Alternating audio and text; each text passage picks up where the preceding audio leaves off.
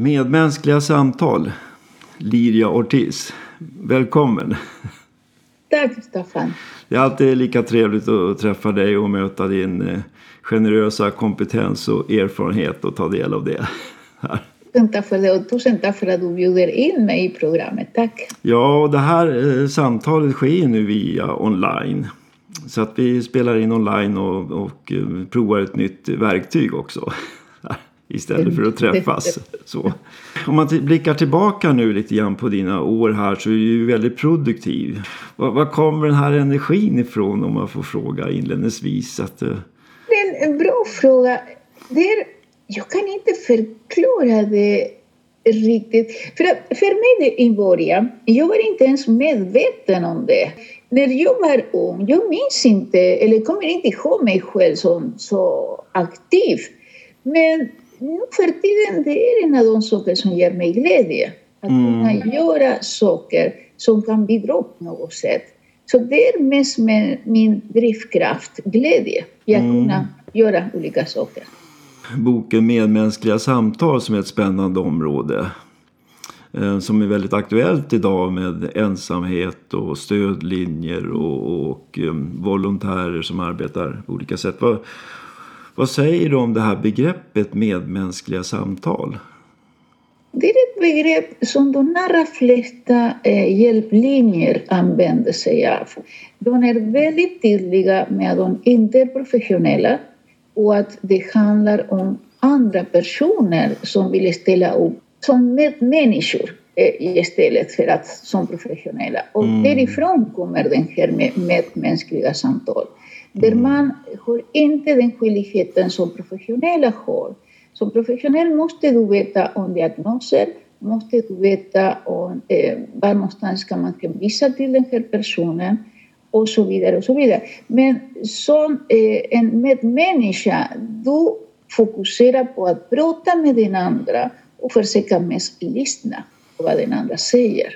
Mm den här skillnaden mellan det professionella samtalet där man har en viss kompetens att eh, analysera och leverera och det medmänskliga samtalet att man som volontär kan hjälpa till genom att vara just en medmänniska.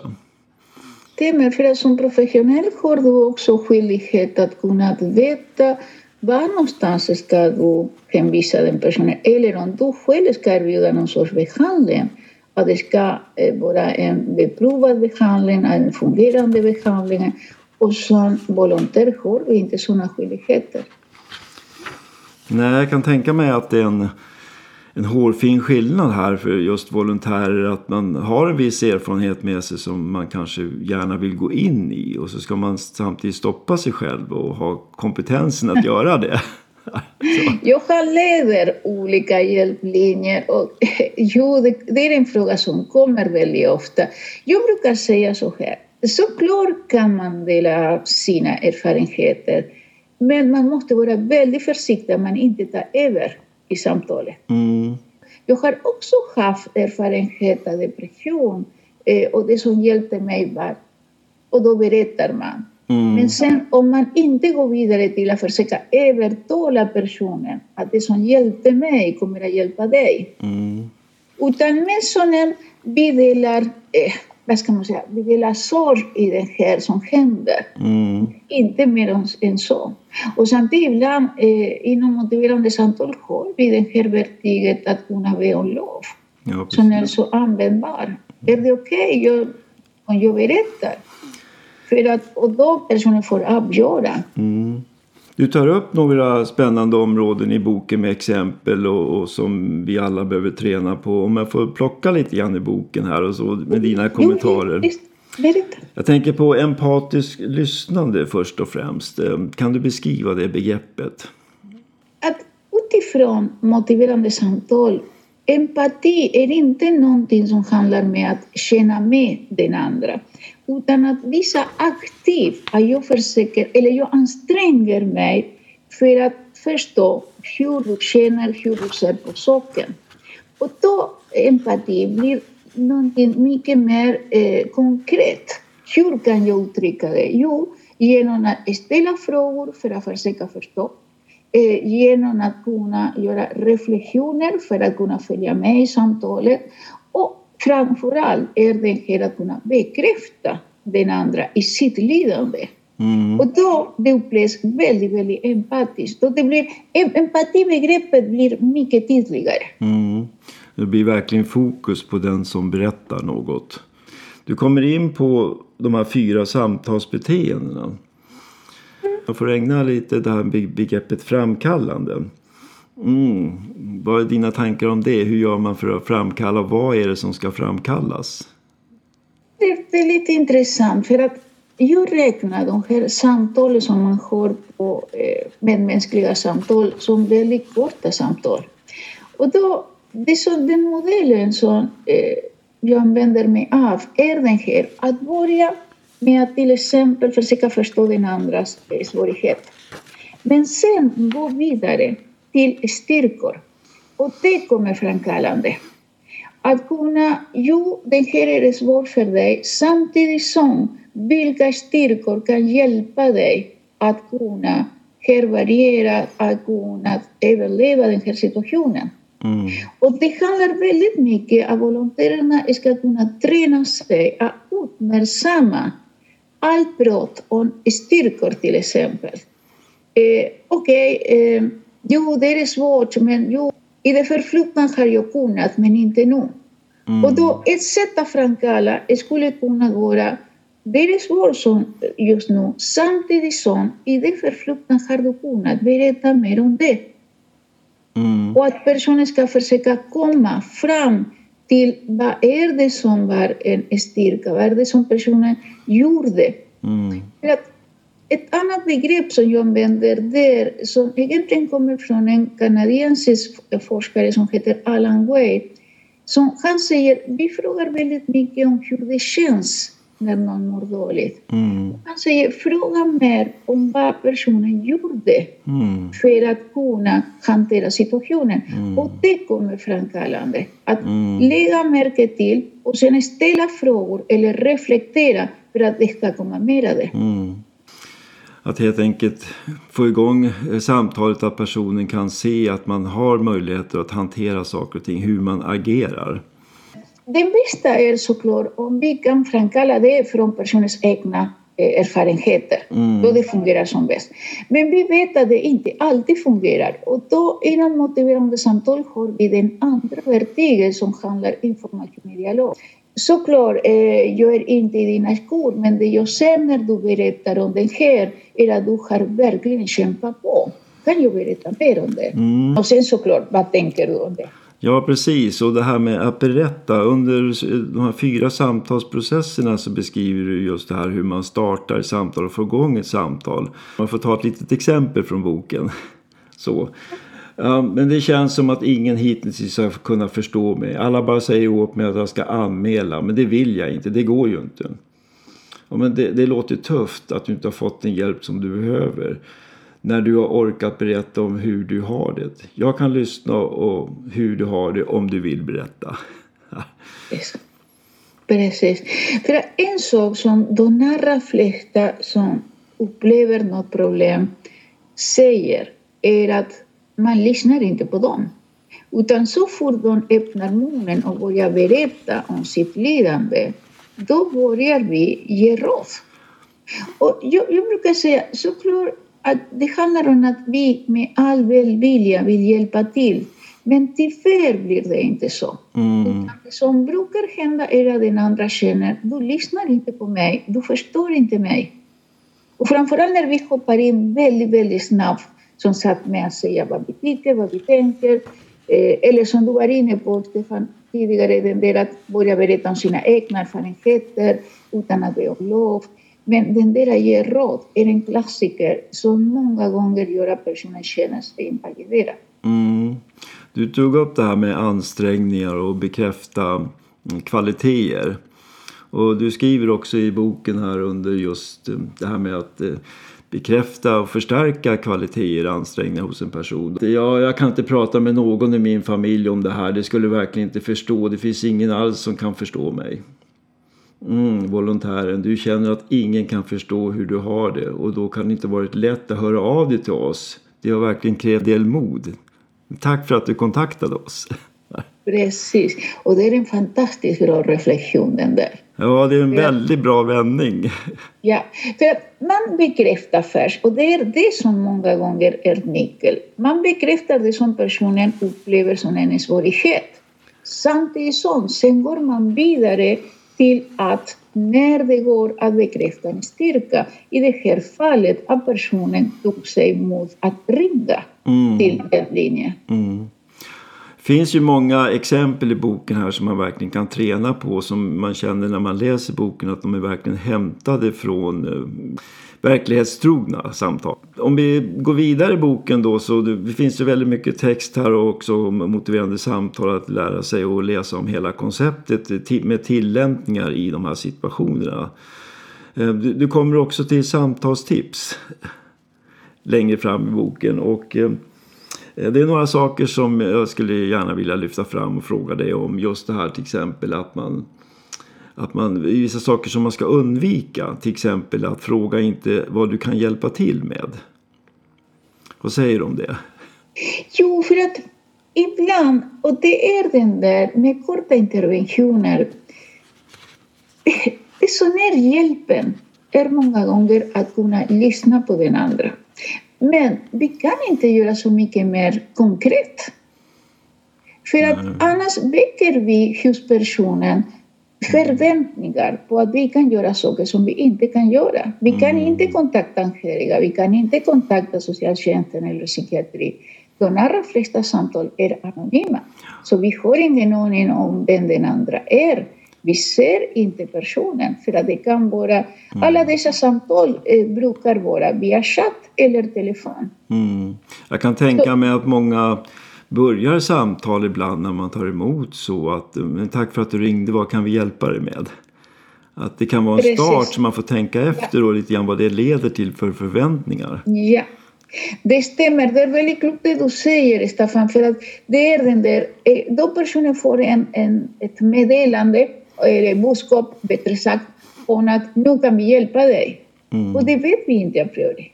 Nej. Vi har ingen aning. Kanske efter vårt samtal personen känner att jo, du har hjälpt mig när du lyssnade. Men kanske personen känner sig frustrerad.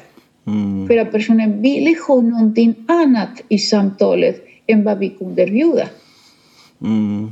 Och just det där som du nämner med att lyssna då, att, att ett, ett bra sätt att visa att man lyssnar det är att man sammanfattar och bekräftar vad den andra personen har sagt. Då visar jag att jag lyssnar.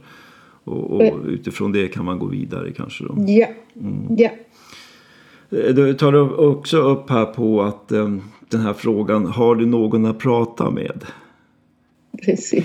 Ja, den är också rätt vanligt i, i olika sammanhang. Ja, men har du någon att prata med om det här? Vad säger du? Jo. De allra flesta gånger är svaret nej. Jag har ingen annan att prata med. Och det, kan, hmm, det är en fråga som hur skulle jag kunna säga? Såklart att syftet är att kunna se om personen kan eh, prata med någon annan som kan ge stöd, som kan ge styrka. Samtidigt, det kan också göra så att personen känner sin ensamhet mm. mycket närmare för att då personen kan uppleva att oj, nej, jag är helt ensam. Mm. Och många gånger om de kontaktar en hjälplinje är för att de har inte så många andra mm. som de litar på. För att såklart, de kan ha familj, de kan ha kompisar eller men man vill inte berätta om när man mår dåligt. Mm. Så har du någon att prata med kan öka känslan av ensamhet? Tyvärr. Mm. Ja.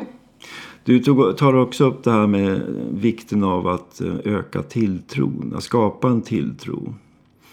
Och genom att eh, eh, lyssna mycket och sammanfattas och, och försöka förstå. Vad säger du om det här begreppet tilltro?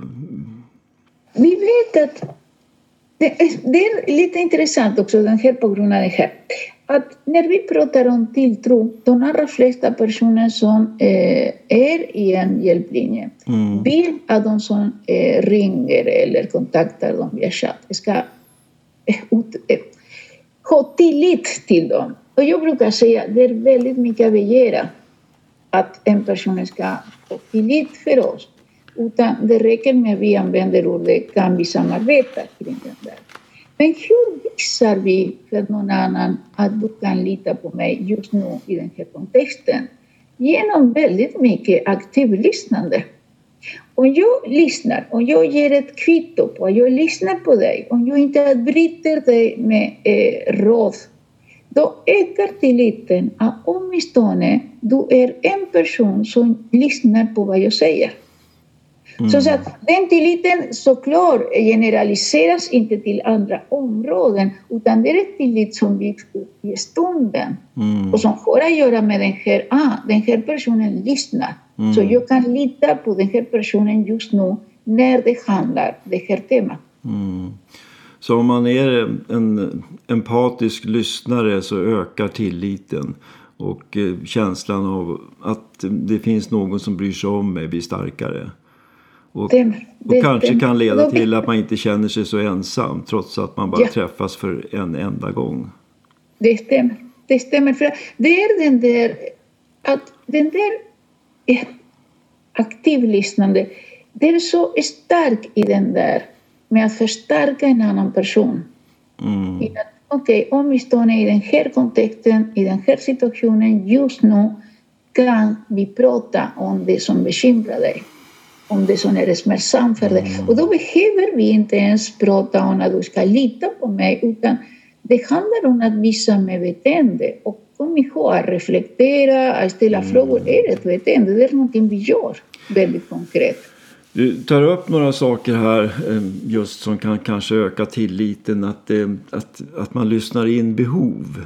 Eh, som du skriver i boken, att behov som trygghet, alltså, säkerhet, omsorg, förståelse, acceptans, kärlek, respekt, rättvisa och så vidare.